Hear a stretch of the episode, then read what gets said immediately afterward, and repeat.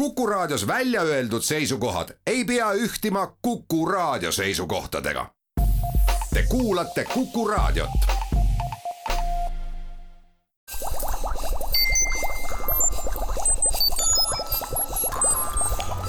kukkuv õun. kukkuv õun eetris, ilmad on külmaks läinud ja keegi ei tea, mis ilmadest saab. igal juhul on ilmaennustamine ja sellega küll ühel või teisel moel seotud ka kliimaprotsesside ennustamine päris paras pähkel. kuidagi on aga juhtunud niimoodi, et äh, erinevad lihunikud ja vorstitöösturid piltlikult öeldes on täiesti üle võtnud selle valdkonna, milleks on meteoroloogia ja klimatoloogia ning ilma ennustatakse Eestis aina populaarsemana tunduvalt just nimelt seapõrnade ja kes teab veel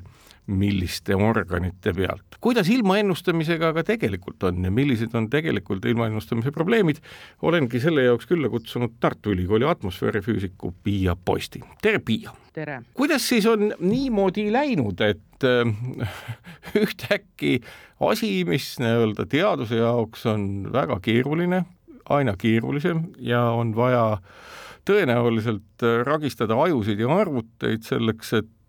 ilma natukenegi ette ennustada, et see on just nagu avalikkuse jaoks kõrvale heidetud ja kõikvõimalik nii-öelda soola puhumine on selle asemele tulnud. noh, ma päris ei nõustu selle väitega, et äh, soola puhumine on esiplaanil, aga tõepoolest inimesed tahavad saada ühte lihtsat vastust sellele küsimusele, et missugune tuleb näiteks selline ta see talv ja seda liiki rahvapärimusel Äh, tuginevad ennustused äh, annavad palju lihtsama vastuse, kui teadusel põhinev ilmaennustus äh, ütleb, et me võime mingi tõenäosusega rääkida selle talve temperatuurist või sademete rohkusest, siis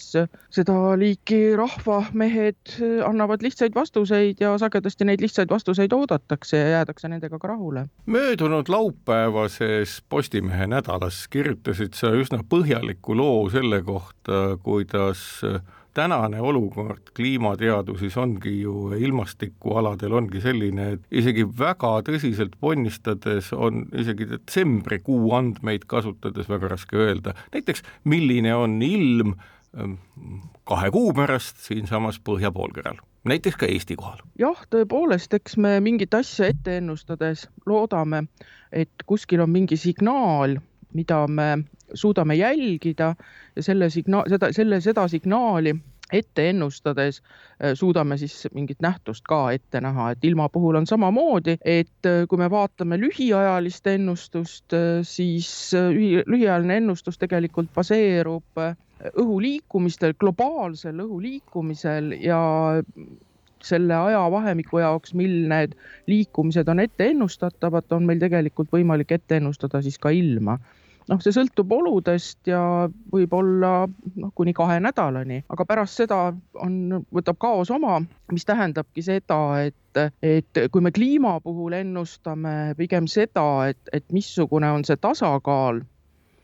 mis saabub mingite kliimasüsteemi sisse tulevate energiate, lahkuvate energiate vahel, siis noh, seda tasakaalu olekut peab tükk aega ootama ja, ja see tähendab ka seda, et, et noh, me ei saa päriselt detaile välja arvutada, aga see, mis jääb sinna kahe asja vahele, see on kõige keerukam, jah.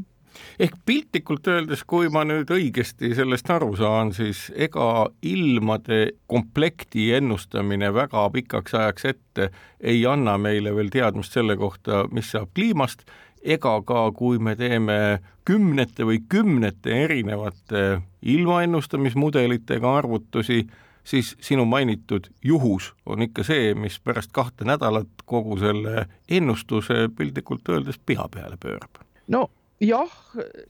eks otsitakse ka selliseid tegureid, mis kestavad kauem või annavad meile pikaajalisema signaali ja neid on tegelikult. meie teadus on praeguseks need leidnud, noh näiteks üks asi on see lõunaossillatsioon, El Niño lõunaossillatsioon, mis on siis eh, Vaikse ookeani ekvatoriaalosa Äh, jahtumine või soojenemine, selline anomaalselt suur, anomaalselt suur tähendab arvude keeles tegelikult äh, suurusjärk mõned kraadid, aga kuna seal kuna seal on temperatuur väga ühtlane aastast aastasse, siis need mõned kraadid on väga lihtsasti tuvastatavad. Ja vot see selline signaal, eks ju, kui sellega kaasneb, selle signaaliga kaasneb nüüd atmosfääri äh, õhuringluse muutus ja eriti oluline on just nimelt see, et õhuringluses äh, me näeme mingite püsivate situatsioonide leidmist. see tähendab seda, et no näiteks Vaikse ookeani Äh, see on siis põhjaosas või kirdeosas äh, sellisel tingimustel, kui on see mm, külm faas sellel oscillatsioonil, et äh, sinna tekib üks sihuke blokeeriv kõrgrõhkkond, mis määrab sisuliselt ära kogu põhja poolkera tsirkulatsiooni sellistel talvedel ja ütleme niimoodi, et näiteks see talv on üks nendest talvedest. mida see Juba tähendab ennustuse mõttes siis, kui me teame, et täna on see blokeeritud seal kõrgrõhkkonna poolt, oskame me midagigi aimata näiteks jaanuari või veebruari kohta või see on ikkagi täiesti määramatu? no vot selles asja võlu seisnebki, et kui me juba tuvastame selle, et selline eh, La Niña külm faas on meres olemas või ookeanis olemas, siis sagedasti kaasneb tõepoolest see blokeeriv kõrgrõhkkond äh, seal Vaikse ookeani kirdeosas, mis tegelikult tekitab selle, et teatud Ameerika osades, äh, see on siis äh, jälle kirdeosas, on ilmad oluliselt külmemad kui tavaliselt ja praegusel hetkel näeme me seda ka, et kui me vaatame nüüd põhjapooluse poolt vaatame kogu seda ilmasüsteemi, siis me näeme, et tegelikult sellele äh, Vaikse ookeani kohal olevale kõrgrõhkkonnale on tekkinud kaaskõrgrõhkkond, äh, samasugune blokeeriv Gröönimaa kohal. Ja, ja selline süsteem võib olla väga püsiv, eks ju, et meil on kaks niisugust blokeerivat kõrgrõhkkonda kogu poolkera kohta ja kogu see õhuvool, mis tegelikult siis noh, kõrg, no mitte kõrgatmosfääris, aga kuskil mõnesaja, ütleme paari, viie kilomeetri kõrgusel või, ja natuke kõrgemal, eks ju, mis voolab tegelikult alati läänest itta, eks ju, see tänu sellele meandeerub ümber nende kõrgrõhkkondade ja meil noh, kui me õue vaatame, eks ju, siis meil tegelikult on suhteliselt järsk jahenemine just tänase ööpäeva jooksul olnud. et see on otseselt seotud sellesama Gröönimaa kohal oleva kõrgrõhkkonnaga, mis suunab siis, eks ju, kogu selle õhuvoolu niimoodi, et meie saame oluliselt jahedamat õhku, kui me praegu peaksime saama. ma küsin ühte, jah. kõrgrõhkkondade eh, olemasolu on just nimelt see element, mis ilmselt võimaldab meil natuke pikemaks ajaks ilma ette ennustada. nüüd edasi küsides, kas võiks üldse ette kujutada, et kui meil oleks veel võimsamad arvutid, veel rohkem mälu nendel ja mida kõike veel ja veel täpsemad mõõtmised, kas võib üldse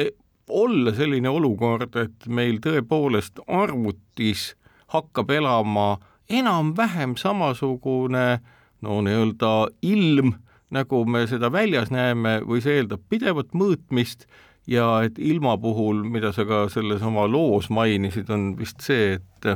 mälu ei ole. Et ilmal pole mälu. jah, ütleme niimoodi, et äh, sagedasti selline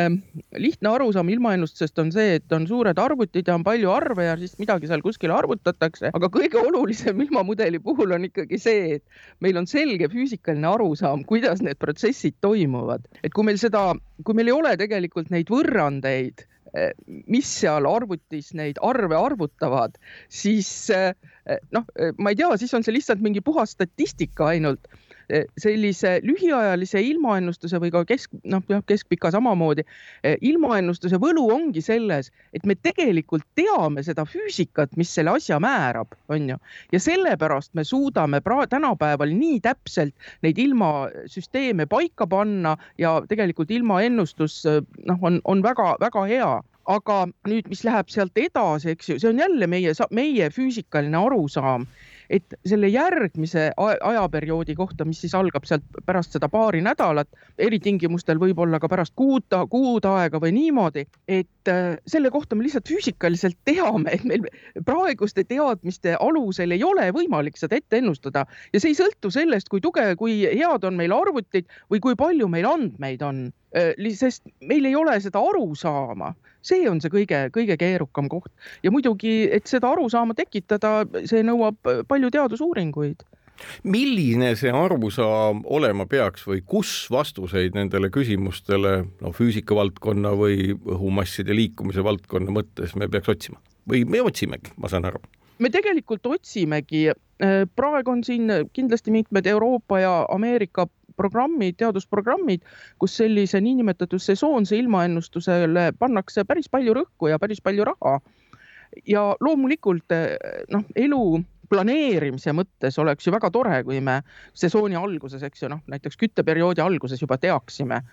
kui külm talv tuleb et kui palju eh, tegelikult eh, noh, kütmist planeerida üldse või. ja kuidas üldse elada, et äkki siis kollektiivselt rännatagi välja kuhugi lõuna poole või ja, midagi nagu, nagu see, sellised asjad, et, et noh, see, see kuulub muidugi selliste toredate unistuste valdkonda. ja noh, esialgu tundub, et oi, et, et aga siis ju me elaksime hoopis paremini kuidagi või et kokkuhoidlikumalt või noh, ka ütleme niimoodi kliimat säästvamalt võib-olla aga kus need asjad võiksid olla, tegelikult küsimus oli selle kohta, eks ju. Et mis need asjad võiksid olla, ühte ma nimetasin, eks ju, et, et see on sellised atmosfääri blokeeringud, nende etteennustamine, kogu selle eh, globaalse õhuringluse täpsem etteennustamine. Ja tegelikult algab see globaalne õhuringluse arusaam ei ole ju ainult, et õhk liigub maa lähedal mõne meetri kõrgusel, mõnesaja meetri kõrgusel, paari kilomeetri kõrgusel, vaid tegelikult meil peab olema arusaam ikkagi no vähemasti stratosfääri eh, noh, ülakihtideni. siinkohal teeme saatesse väikese pausi ja kuulake meid pärast vaheaega edasi. kukkuv õun head Kuku kuulajad, Kuku Õun jätkub. Mina saatejuht Marek Strandberg, külas Piia Post, Tartu Ülikooli atmosfäärifüüsik ja jäime sinnamaani, et äh, küsimus on selles, et me peame teadma kõike, ka seda, mis toimub stratosfääris. kui kõrgele see stratosfäär üldse ulatub ja kui kõrgelt me peame siis oma ilma põhjusi ja tagajärgi ja protsesse otsima see on viiskümmend kilomeetrit. viiskümmend kilomeetrit. ja, ja, ja ütleme niimoodi, et tänapäeva ilmamudelites on see kõik juba sees, see viiskümmend kilomeetrit on seal väga selgelt sees. noh, isegi, isegi kõrgemale, sest no ütleme niimoodi, et seal on meil, eks ju, osoonikiht stratosfääris teadupärast no kuskil kahekümne viiest, kuskil noh, keskosa on ilmselt kuskil kahekümne viie kilomeetri kõrgusel, kahekümne et, et tegelikult ka see stratosfääri mm, situatsioon on väga oluline, sest äh, kui me räägime nüüd, eks ju, põhjapoolkera ilmast, siis tegelikult põhja äh, pooluse ümber ringleb ju kogu aeg niinimetatud polaarpööris ja, ja see polaarpööris ei ole mitte ainult aluspinna lähedal, vaid see ulatubki tegelikult stratosfääri välja. see tähendab seda, et, et kogu see õhk meil pöördub kolmemõõtmeliselt nüüd eks ta ülaosas on selline ühtlasem, noh, peaaegu et ringikujuline, aga mida allapool ta, ta tuleb, seda enam võib ta olla meandeerunud meandeerunud tähendab inimkeeli. see tähendab seda jah, et tal on siuksed vonked sees, eks ju, et vahest äh, ta tuleb niimoodi suuremate laiuste kohale ja siis ta läheb jälle väiksemate laiuste kohale, nii et noh, ta niimoodi koperdab seal või kuidas nüüd öelda et kui see polaarpööris on väga tugev, siis ta on noh, tõepoolest ringikujuline ja ta võib olla ringikujuline ka aluspinna lähedal ja see tähendab tegelikult seda, et, et kuna me räägime talvisest atmosfäärist, siis noh, talvel ju polaaralade kohal päike ei paista. see on pime atmosfäär mis tähendab seda, et, et kui meil päikesekiirgust ei ole, siis. siis ei ole seal ka soojust jah, just nimelt, see atmosfäär on külm, on ju, ja see tähendab seda, et kui see pööris on väga tugev ja selline noh, ühtlane, siis see külm jääbki sinna pooluse kohale. Ja väga oluline on ennustada neid situatsioone, kui tegelikult siis see tugev polaarpööris noh, puruneb või murdub, võiks ka öelda selle kohta, sest tegelikult on ta ju lai-, noh, temasse tekivad lained sisse. Ja, ja vot needsamad lainete asendid määravad või noh, kus kohas, eks ju, on see laine niimoodi, et ta liigub põhjast lõunasse ja kus on ta siis niimoodi, et ta liigub lõunast põhja ja noh, see määrab ära ju, kust see õhk tuleb ja, ja noh, eks põhja poolt tuleb meil tavaliselt ikka külmem õhk ja lõuna poolt soojem õhk. küsin siia juurde nüüd ühe teise asja, et me ju oleme igaüks kogenud seda, kuidas masinõppe või tehisintellektiks ka kutsutu. Aitab meid päris palju, kõikvõimalikud Google'id, Facebookid, kes iganes, kasutades tehisintellekti toetamaks tõlkimist, on jõudnud juba sinnamaani, et kui me siin aastat vast võib-olla kümmekond tagasi Google'i tõlke üle naersime, et ühtepidi üks tekst ja teistpidi tagasi täiesti arusaamatu tekst, siis tänasel hetkel kõik need tõlkeprogrammid, isegi eesti keeles ja eesti keelde, on ju üsna head. Masinõpet kiidetakse väga paljudes muudeski valdkondades, kust see urgitseb välja asju, mida inimene noh, ühel või teisel põhjusel märgata ei oska. kas nüüd on sulle teada, kas ka atmosfääri nähtuste ilmaennustamise ja selliste asjade juures assisteerib näiteks ühte või teist nii-öelda uurimisgruppi ka tehisintellekt, masinõpe, mis püüab siis leida seoseid loomulikult ka füüsikaliselt põhjendatuid, mida võib-olla muidu me kahe silma vahele jätaksime?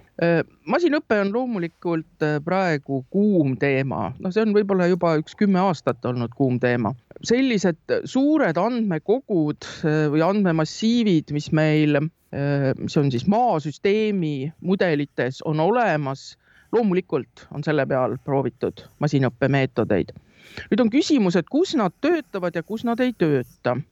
nagu ma ütlesin, et, et tegelikult meil nende mudelite aluseks on ikkagi füüsikalis-matemaatiline arusaam. nüüd tekib see küsimus, et mis hetkel hakkab see masinõpe ületama mingis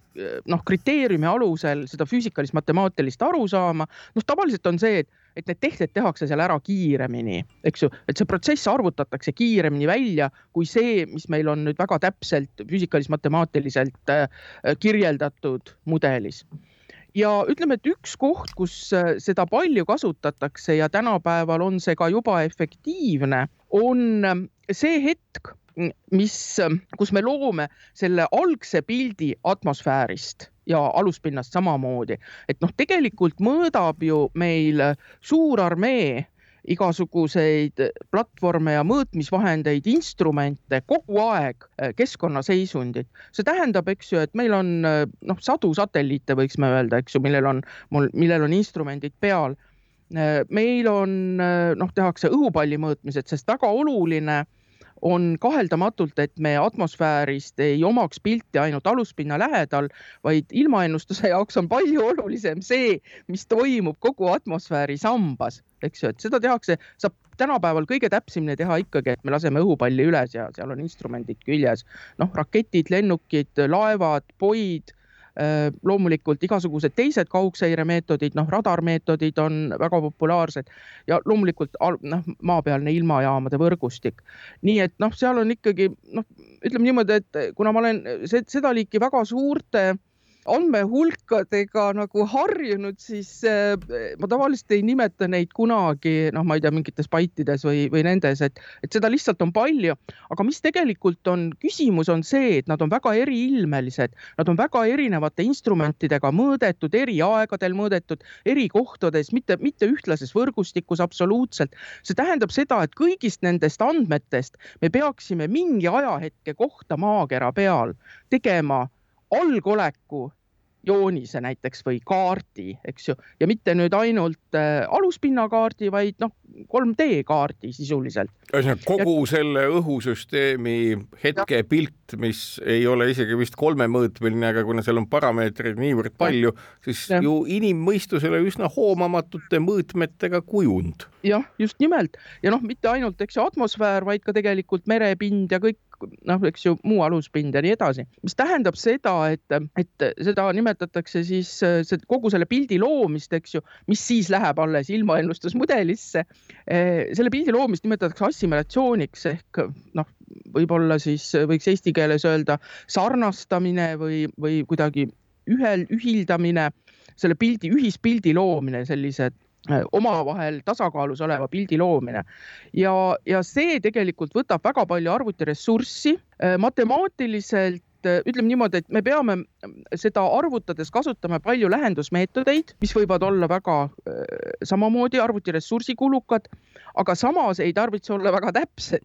Mis tähendab seda, et selles faasis tõepoolest masinõpet kasutatakse praegu juba palju ja seal ta ületab neid meetodeid. samamoodi kaugseire andmed, kuidas nüüd öelda, esialgsel analüüsil kasutatakse samuti väga palju masinõpet juba praegu. kuigi sa ütlesid Sama..., et sa bittidest ja baitidest ei oska rääkida või ei taha rääkida, aga kui me kujutame ette ikkagi sadu satelliite, ma ei tea, mitmeid tuhandeid ilmajaamu ja kõike ja. seda informatsiooni hulka, kas meil mingi aimdus on, et mis see noh, nii-öelda bittide või baitide voog siis pidevalt on, mida me tänasel hetkel kogu maa ilmasüsteemi kohta kokku oleme suutelised koguma? no ütleme niimoodi, et küsimus ei olegi selles, kui palju me neid suudame kokku koguda, vaid küsimus ilmaennustuses on ka sageli see, et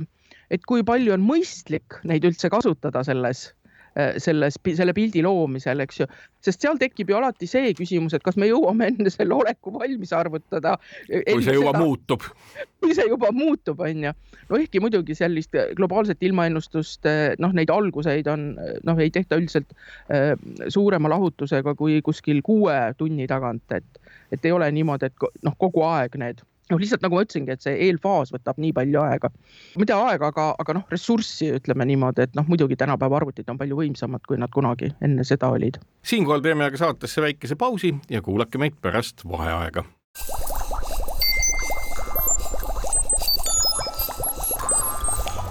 kukkuv õun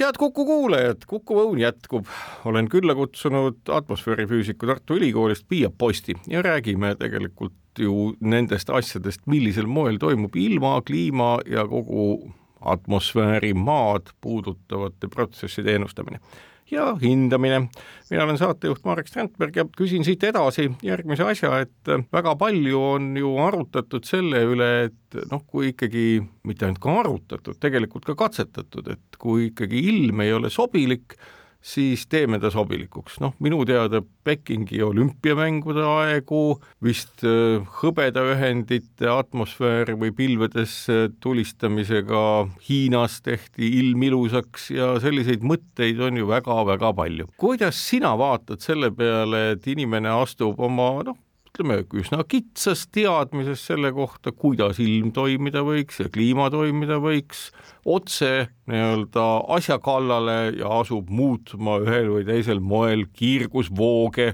midagi atmosfääri puistates ja midagi muud teha, tehes. kas me oskame ennustada, mis selle kõige tagajärg olla võib? no siin on äh, kaks vastust. nagu alati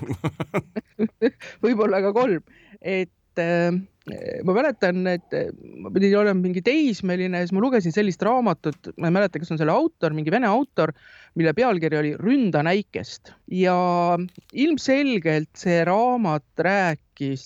mingist sellisest tegevusest, kus me tõe, noh, kus need vene teadlased siis tõepoolest püüdsid noh, kuidagi selle äikese vastu võidelda, eks ju, seal kohapeal pilves. On eetika küsimus kindlasti siin üks selline, et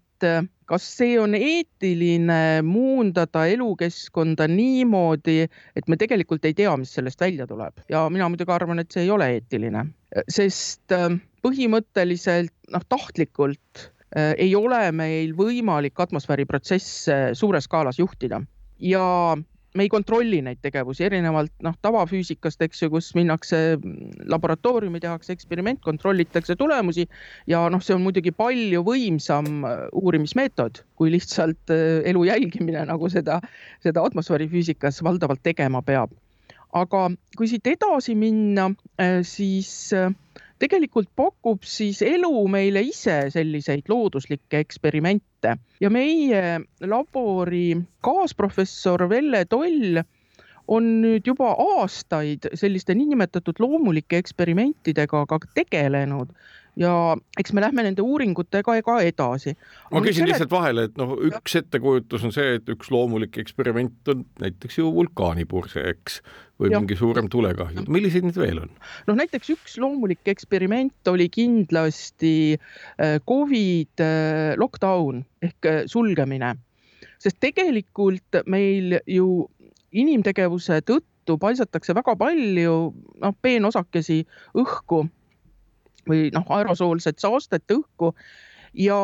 eriti hull õhu kvaliteedi mm, seisund on teadupärast noh, Hiina suurlinnades. Ja kui siin noh, Eestis andis see muidugi ka tunda, kindlasti Tallinnas läks samamoodi õhk puhtamaks. aga seal olid ikkagi need, noh, me võib-olla kõik oleme ka näinud neid pilte, eks ju et, et kuidas järsku muutusid äh, mingid äh, kaugel olevad mäetipud nähtavaks, mida võib-olla aastakümneid ei olnud nähtud, sest õhk on noh, saastast nii, nii paks ja, ja nähtavus on nii kehv. aga, aga see on nüüd üks selline eksperiment, kus me selle inimtegevuse oleme maha võtnud, eks ju, äh, mingiks noh,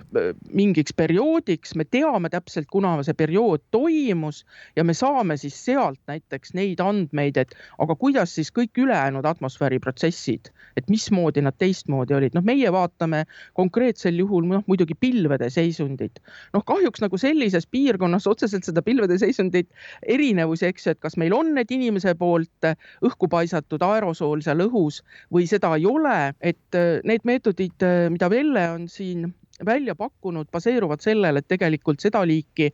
aerosoolne saaste peab tekkima noh, keset äh, sellist väga puhast õhku või in the middle of nowhere, eks ju. et aga selliseid ja selliseid tehaseid, mis töötavad kuskil väga kaugetes kohtades, kus inimasustust vähe kõrval on, on näiteks Venemaal palju mitmeid ja nende kohta on siis Velle juhtimisel mitmeid artikleid avaldatud samamoodi võib selliseid asju leida ka näiteks Kanadast. Ja noh, see tulemus nendest uuringutest, mis praeguseks äh, on tehtud, on see, et, et seda liiki pilved, kus on siis see aerosoolne, inimtekkeline aerosoolne saaste sees ja me selgelt näeme neid alasid, et on sellised äh, saastekoridorid või teatud ilmastikutingimist, tingimuste puhul äh, muutub pilvede heledus nendel aladel. mida muutuvad... see tähendab laias laastus nii-öelda maapinna soojenemisele, kiirgusfoonile? nojah, heledamaks muutuv pilv tähendab seda, et tal on albedo suurem, eks ju, ta peegeldab paremini kiirguse tagasi. see tähendab seda, et selles mõttes on ta, on ta jahutav, aga, aga seal ei ole, eks ju, et, et pilv ei ole ainult kiirguslik objekt, eks ju, pilv tegelikult koosneb meil veetilkadest või jääkristallidest ja tal on väga oluline roll kogu atmosfääri atmosfääri veeringes ja, ja nüüd teine küsimus on see, et aga kuidas muutub tegelikult äh, see pilve veesisaldus, kas see muudab nüüd pilve rohkem vett sisaldavaks või vähem vett sisaldavaks, sest tegelikult veeringe, noh, vee, veeaur on teadupärast väga oluline kasvuhoonegaas, eks ju, et kogu see veeringe on samamoodi klimaatiliselt väga oluline. no loogiline ja... oleks öelda, et kui mingeid peenosakesi ja kondensatsioonikeskeid, keskmeid rohkem on, et ju siis vett seal on rohkem, aga kuidas tegelikult on? nojah, vot meile meeldiks ka sellised lihtsad tulemused. no ega ma ei osagi keerulist tulemust oma teadmatuses öelda lihtsalt küsingi seda no,, et aga kuidas tegelikult on? tegelikult on niimoodi, et, et see on selline kahe vastusega küsimus, et, et vahest läheb nii ja vahest läheb naa ehk et ikkagi seesama asi, et kui uljalt peale minna, nii nagu sul ammusel ajal loetud raamat, kus äikest rünnati ja öelda, et me teame vastuseid ja ründame oma vaenlast, et väga paljudel puhkudel esmane ettekujutus, nii nagu mulgi siin saates nüüd hetk tagasi et see ei pruugi üldsegi nii olla päriselt, kui asju lähemalt vaadata. jah, minu elukogemus teadlasena ütleb seda, et kui ma saan mingi väga hea ja huvitava tulemuse, siis enamasti see tulemus ei ole õige kahjuks ja aga, see... aga siin on, siin on veel huvitavaid aspekte on siin tegelikult veel äh, selles mõttes, et, äh, et noh, ühelt poolt äh, see aerosoolne saaste võib muuta neid pilvi heledamaks, aga nüüd just viimase aasta jooksul me oleme teinud väga huvitavaid uuringuid ja kirjutame praegu ühte Science'i artiklit sellest just ikka Velle juhtimisel, eks ju, et et, et tegelikult võib olla juhtusid, kui pilved selle, selle saaste lehviku kohalt täiesti ära kaovad ja, ja see on muidugi noh, täiesti uus uurimisteema. Ja, ja noh, me oleme väga elevil, ütleme niimoodi. Mis selle põhjuseks võiks olla, noh, ma jällegi hästi niimoodi nii-öelda haamriga käsitlen kõiki asju kui naelu, et äh, kuidas siis see juhtub, et kui on osakesed, mis põhimõtteliselt ju peaksid kondenseerima igasugust veeauru, kas see tähendab seda, et need osakesed siis marjavad nii palju päikesevalgust, et aurumine väheneb? ei. ei, no vot. Kuulame huviga noh, see on see protsess tegelikult on, ütleme niimoodi, et äh, see, see on seotud ühe väga tuntud sademeteke protsessiga, mida meie kooliprogrammis muidugi ei õpetata, äh, mis paraku on küll äh, ilmselt Eesti tingimustes valdav sademeteke protsess mis tähendab seda, et sellistes pilvedes on ühtaegu olemas nii jääkristallid kui ka veetilgad, need on niinimetatud segapilved. ja kui sinna piserdada juurde siis teatud osakesi mis siis sobivad niinimetatud jääkristalli tuumadeks või jäätuumadeks, siis äh, juhtub see, et kuna küllastav veeauru rõhk on jää kohal madalam kui vee kohal, samal temperatuuril tuleb siia alati juurde öelda. see tähendab seda, et, et kui meil on küllastusseisund, siis äh, ja meil on piisavalt vett, noh, see tähe, ütlebki, eks et veeauru õhus, siis äh, algab kondensatsioon või noh, depositsioon algab just nimelt jääkristallidele ja jääkristallid kasvavad nende veetilkade arvel. Ja äh, tekib meil hoopis jääpilv. Ja, ja siin sel, sellisel situatsioonil me näeme tegelikult, et sagedasti, kui see pilv ära kaob, on meil maapinnal lumi pärast seda. aa, et lihtsalt nii-öelda kõigele vaatamata, et on kondensatsiooniosakesed, sajab nii-öelda pilv tühjaks, kuna tekib liiga palju jääd, mis on väga raske. Ja siis ongi õhk täis saastet ja pilvi pole no ütleme niimoodi, et eks see saaste, kui meil sademed on, eks see saaste sajab alla, et äh, sademed on kõige kindlam moodus sade, noh, saastet alla tuua. Ja me ei saa saastet välja sellest atmosfäärikihist, kus meil enam sademeid ei ole, näiteks stratosfäärist, eks ju.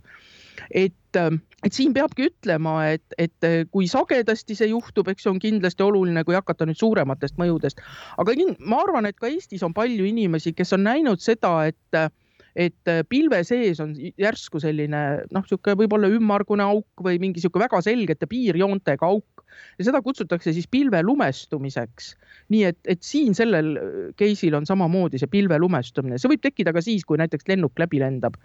aga, aga noh, jälle on, et seal peab olema needsamad äh, meteoroloogilised tingimused selles pilves peavad olema väga kindlate omadustega. siinkohal teeme saatesse väikese pausi ja kuulake meid, olge hea, pärast vaheaega kukkuv õun.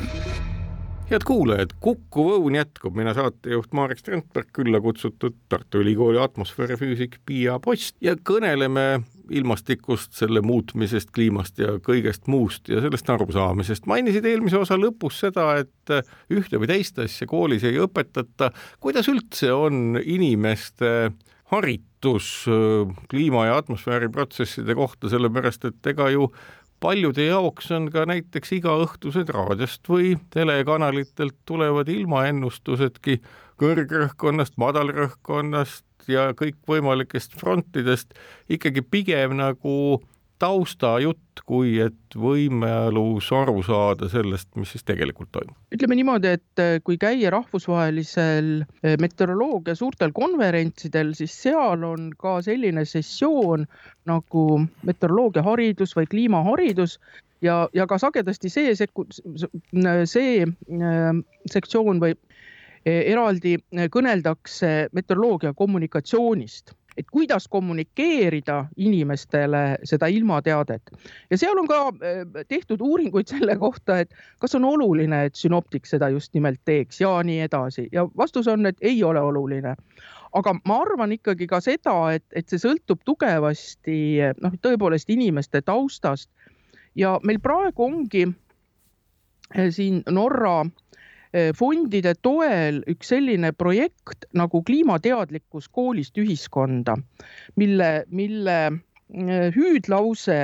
või diviis on siis, et muudame ühiskonda, mitte kliimat. Ja äh, seal meil ongi tegelikult eesmärgiks on üsna algusfaasis praegu, me oleme sellega mõni, mõni kuu on meil, oleme seda teinud. Ja meil on kaasatud sinna kolm Eesti ülikooli, nende haridusteadlased, see on siis Tartu Ülikool, Tallinna Ülikool ja Eesti, Eesti Maaülikool ja ka nendest, noh, Maaülikoolis pole just haridusteadlasi, aga, aga eks ju, et kahest teisest ülikoolist ka haridusteadlased ja need tegelikult inimesed, kes Eh, õpetavad loodusteaduste õpetajaid, aga meie tahaks muidugi, et, et mitte ainult loodusteaduste õpetajad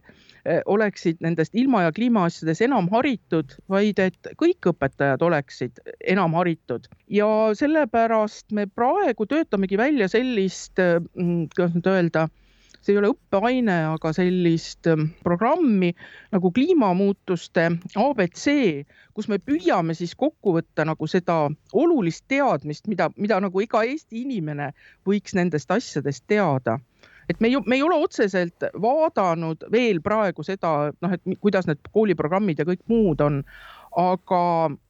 noh, minu esialgne mm, arusaam on, et tegelikult äh, see ei ole nagu väga hea. Ja ma näen ka seda, et äh, noh, näiteks kui ma vaatan Aktuaalse Kaamera ilmateadet, siis minu jaoks jääb seal palju nagu puudu, et veel aastate eest oli niimoodi, et näidati äh, õhutemperatuuri kohta ikkagi mingit, noh, päeva kohta mingi vahemik ja öö kohta mingi vahemik. nüüd me näeme mingit üksikut temperatuuri. Ja tegelikult see läheb vastuollu meie teadmisega, kuidas praegu eh, teaduslikult ilma ennustatakse ja kuidas seda peaks eh, inimestele tutvustama. ma lihtsalt küsin siia kiiresti vahele, et no arvutigraafika võimalused, modelleerimise võimalused on ju igati vahvad, no me võime ju olemasolevate võrguvahendite pealt vaadata seda, kuidas maakeral erinevates õhukihtides õhk liigub ja mida kõike veel. kas selline detailsem ja elavam esitlus võiks anda parema ettekujutuse, et ohoh, et vot niisugune asi toimub seal või mida sa silmas pead? ma pean tegelikult silmas seda, et nagu ma ütlesin ka, et, et on tehtud uuringuid selle kohta, et mida inimene märkab tegelikult äh, ilmaennustuses ja siis selgub, et ta märkab ainult seda, et kui palju oli see temperatuur seal tema konkreetses kohas et sisuliselt see on nagu peaaegu et ainuke, mida ta märkab. Aga et, et, et, et aga miks me peame siis kõike seda ümber sinna veel tegema, aga noh, kindlasti on, on inimesi, keda huvitab see palju, palju laiemalt. Ja teine asi on see, et, et kui Eesti kohta esitada ainult üks temperatuur, siis üks temperatuur ei anna meile tegelikult ülevaadet sellest, mis võiks olla see temperatuuride vahemik, mis ulatuses temperatuur Eestis kõigub. ma arvan, et ka tänasel päeval ilmselt võib see vahemik olla umbes kümme kraadi ja noh, selline, ütleme niimoodi, et siin ähm, Lõuna-Kagu-Eestis on äh, noh, oluliselt alla kümne kraadi või noh, oli kindlasti alla kümne kraadi, eks ju, hommikul see temperatuur miinuses, eks ju. ja, ja siis äh, kuskil seal saartel ilmselt oluliselt äh, soojem kui me anname selle kohta ühe keskmise temperatuuri, noh, ma ei tea, miinus, mis ta võiks olla, miinus viis, miinus kaheksa, siis tegelikult ei Kagu-Eesti ega ka saared ei saa seda informatsiooni kätte. no Mida kui me nüüd saadet lindistame, tulin kodust jalgrattaga, selle kellapäeval on näha temperatuur, kodust väljusin, mis on siin Tallinna külje all mingisugune miinus kaheksa kraadi juures ja kesklinnas oli see miinus viis. ma ütlen, et, et siin noh, ta näitab mulle kahjuks ka see äpp näitab siin praegu Tallinnat, aga aga eh, siin Tartus oli jah, kindlasti alla, alla kümne kraadi ja Võrus kindlasti samamoodi alla kümne kraadi, nii et, et see variatsioon võib olla noh, muidugi ütleme niimoodi juba linnasiseselt võrdlemisi suur aga noh, selleks peab olema eelteadmine, et sellest ühest keskmisest temperatuurist nüüd välja mõelda, et aga mis see minu temperatuur siis on, et nagu seda. Aga mida ma enne rääkida tahtsin, oli nagu see ansamblilise ennustamise vaade, see tähendab seda, et tänapäeval ju ka tavaline ilmaennustus toimub niimoodi, et meil ei ole üks niinimetatud deterministlik äh, ennustus mudelis ainult, vaid meil tegelikult äh, varieeritakse selle sama suure ilmapildi algtingimusi hästi natuke ja vaadatakse seda, et, et kuidas siis see mudel selle algpildi nüüd või selle tuleviku ette ennustab. Ja võib olla situatsioon, kus noh, ma ei tea, seal mud, ansamblis võib olla noh, kakskümmend viis, viiskümmend erinevat versiooni sellest mudelist et võib olla niimoodi, et nad näitavad kõik ühte ja sama asja. Ja siis see näitab seda, eks ju, et noh, väga kindel on see ennustus, et õhk voolab väga selgelt, noh näiteks seesama, mis me siin blokeeringud, atmosfääri blokeering võivad sellega olla, aga võib olla niimoodi, et ja nagu ka praegu tegelikult on, kui ma vaatan näiteks seda Meteo Blue multimudelit, siis ma näen, eks ju, et see mudelite lahknevus on suurusjärgus viisteist kraadi, eks ju, tänaseks päevaks, et keegi näitab nulli, keegi näitab miinus viiteist noh, ma mõtlen siin näiteks noh, Võru või Tartu konteksti, noh ja, ja siis vaene ilmaennustaja, see on ühe punkti kohta, eks ju, see ei ole mitte terve Eesti kohta veel. Ja mis see vaene ilmaennustaja siis teeb, vaatab, et hmm, et, et tal peab olema jälle nagu see eelnev kogemus, eks ju, et aga mis see kõige tõenäosem on. me näeme siin praegu, et, et, et ilmateenistus või see on siis Keskkonnaagentuur on valinud selle kõige madalama sisuliselt nagu sellest noh, võrreldes selle Meteo Blue ansambliga, eks ju, et nemad kasutavad muidugi Euroopa Keskuse ansamblit. et äh, on valinud kõige madalama ja tegelikult see kõige madalam on õige. see on nagu äh, noh, nagu selle ilmaennustuse tugevus, et miks meil seda sünoptikut sinna veel vahele vaja on. ehk et ilmaennustus on täpselt samamoodi lugu nagu kõik muud lood ja kas ma julgen nagu kokku võtta see algusega ära siduda, et miks inimesed pöörduvad aeg-ajalt just nimelt kõikvõimalike jutumärkides ilmatarkade poole, kes ütlevad, et seapõrn ennustab, ongi see, et neil on mingi ebakindlus. kas kindlam arusaam sellest, kuidas ilm toimib, võiks tähendada ka seda, et meil sellist äh, ebateadust ja ebamõistlikku informatsiooni ühiskonnas vähem ringi liiguks? ma arvan küll, noh, eks minu käest siin vastu talve küsitakse ikka, et kui palju lund maha tuleb ja kas läheb külmaks ja kas on külm talv ja nii edasi, eks ju. ja, ja kui sa siis vastad, noh, et, et tegelikult teaduslikult me ei suuda seda täpselt vastata, noh, näiteks ka kuu aega tagasi oli äh, nagu see selle talve ennustus äh, lähtudes sellest samast La Ninast oli, et, et Põhja-Euroopas tuleb keskmisest soojem. kui me vaatame nüüd seda ennustust, mis oli äh, mis eile välja lasti, eks eile oli esimene detsember ja ennustus detsembrikuuks, siis juba see ennustus ütleb, detsember tuleb keskmisest külmem, mis tähendab seda, eks ju, et meil on kuu aega selles ennustuse vahet, on ju, ja me hindame praegu lihtsalt seda eh, temperatuuri erinevust keskmise suhtes juba vastupidiseks. nii et, et nagu see teadmatus või selle teadmatusega leppimine, ütleme niimoodi, on kindlasti probleem, et ma ei ole alati kindel, et inimesed pärast õnnelikud on, kui nad pära, päriselt seda tulevikku teavad täpselt ehk tegelikult on see natukene nagu turg, et me ei saagi ette ennustada, aga me loodame midagi. jah, me saame, ilmselt on niimoodi, et inimesed tahavad saada kinnitust oma ootustele noh, see on noh, siia võib ju alati lõppu rääkida selle Tšuksi anekdoodi, eks ju, kui Tšuks, no me teame, Tšuksid on, eks ju, loodusrahvas või vähemasti kunagi olid, praeguses geograafiaõpikus ilmselt ikka veel on, et Tšuksid on loodusrahvast ja Tšuksi käest küsitakse, et no kuidas talv tuleb, kas tule, ka talv tuleb külm ja Tšuks ütleb, jaa, talv tuleb külm. kust sa tead? Noh, valge mees tegi ju nii palju puid, eks ju, et, et noh, meie võime ka nüüd praegu ennustada, et kuna energiahinnad on kõrged, siis inimesed tegid palju puid, järelikult tuleb külm talv. sellega siin lõpetamegi, kuigi see ennustus on täiesti meelevaldne, nagu ma aru saan, aga võib-olla ka mitte. aitäh, Piia Post, et said tulla ja kõnelema ilmast, kliimast ja sellega seonduvast. sellega on Kuku Õuna saade läbi, kuulake meid jälle nädala pärast ja kaunist päeva teile